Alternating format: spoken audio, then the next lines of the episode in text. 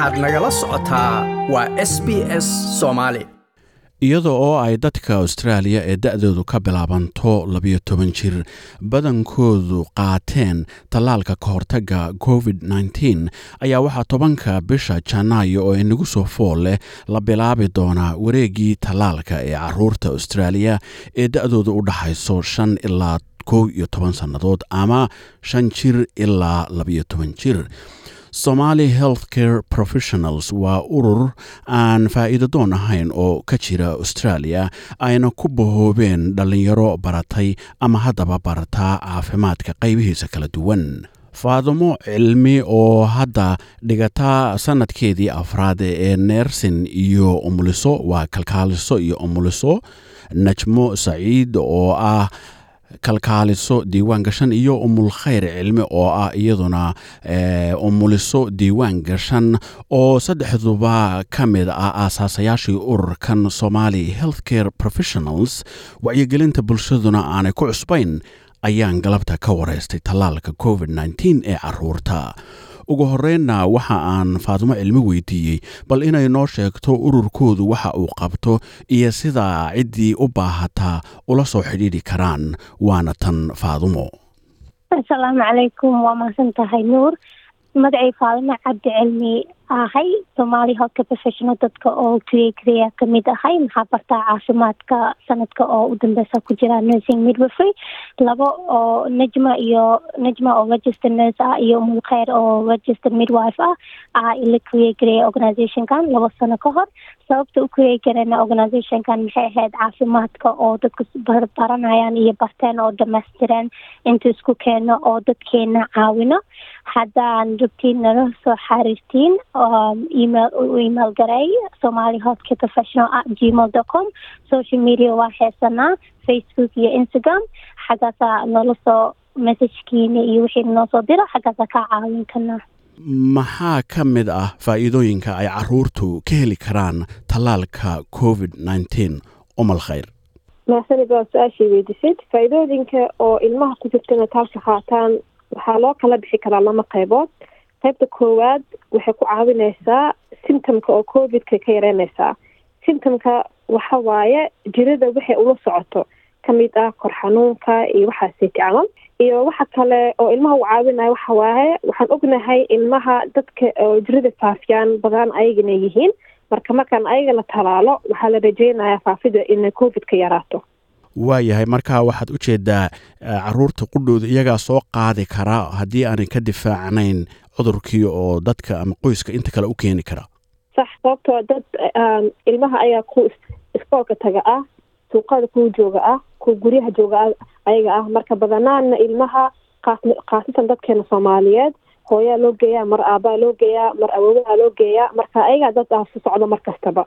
Muhiimada jirta waxa waaye markaan ayaga la talaalo waxaa la rajeynayaa say faafinayaan dad kale u faafinayaan oo si yaraa doonaa waa gartay umal khayr waad mahadsan tahay. Faadumo goormo ayuu bilaabmayaa tallaalkan caruurtu sidiisaba. Waa mahadsan tahay walaal. Tallaalkan wuxuu bilaabanayaa ten january twenty twenty two so dadka oo a t a g i also known as australian technical advisory group waxay dhaheen markaasaa bilaaweynaa childrenka oo u kala dhexeeyo five to eleven years old.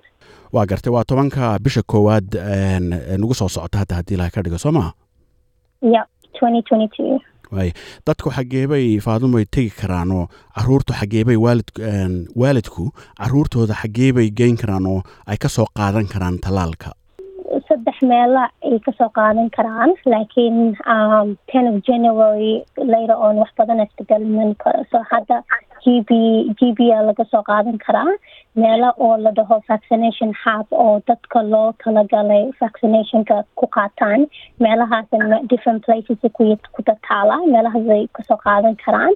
And also meel oo pharmacistska meelaha daawada lagu gatay meelahaas ay ka soo qaadan karaan parentska haddii rabaan ciyaalkooda soo qaataan talaalkooda maxay maxay suubinayaan websiteka oo vaccination hubka oo google haddii ku qoraan booking vaccination linka u soo baxaayo meeshaasi ka buk gareysan karaan vaccinkooda for childrenkooda ilmahooda.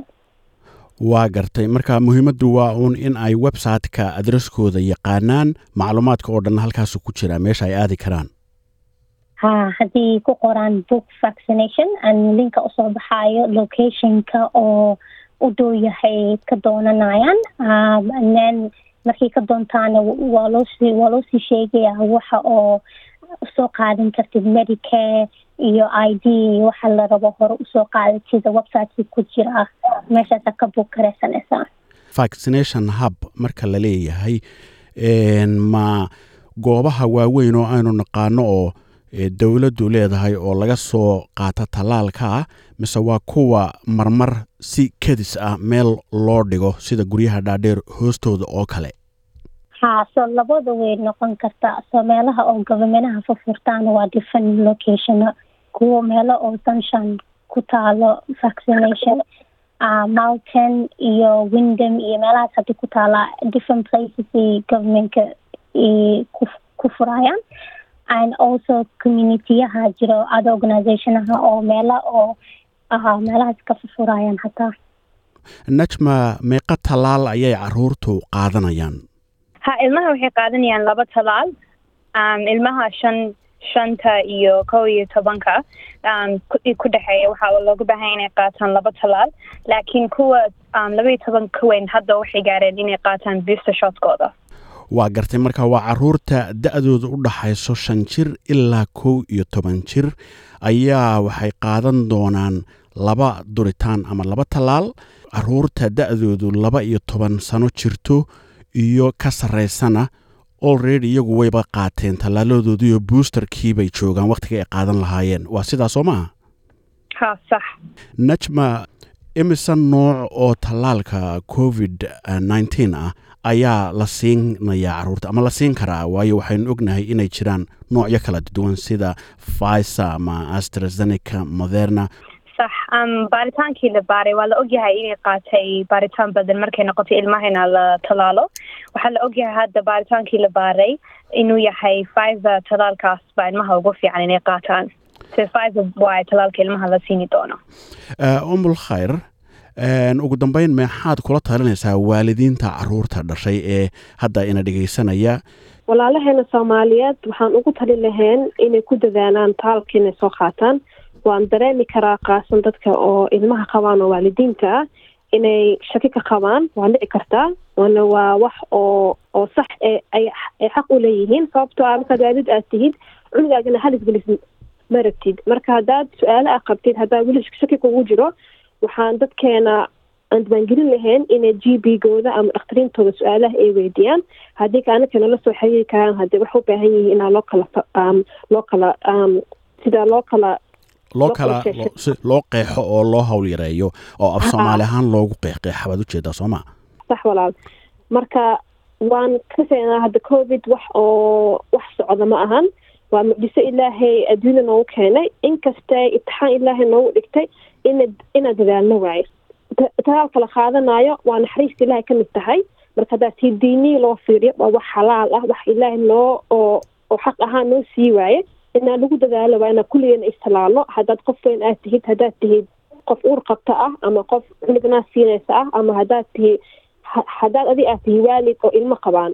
Marka dadka ino da-da dadka ugu boosgareynayna inay dadkooda soo talaashtaan ka mid ah caruurtana waayahay faadumo cilmi sucaad saciid iyo umulkhayr cilmi ayay ahaayeen oo bulshada uga warramayey tallaalka covid nneteen ee carruurta oo dhowaan ka bilaabmi doona austraaliya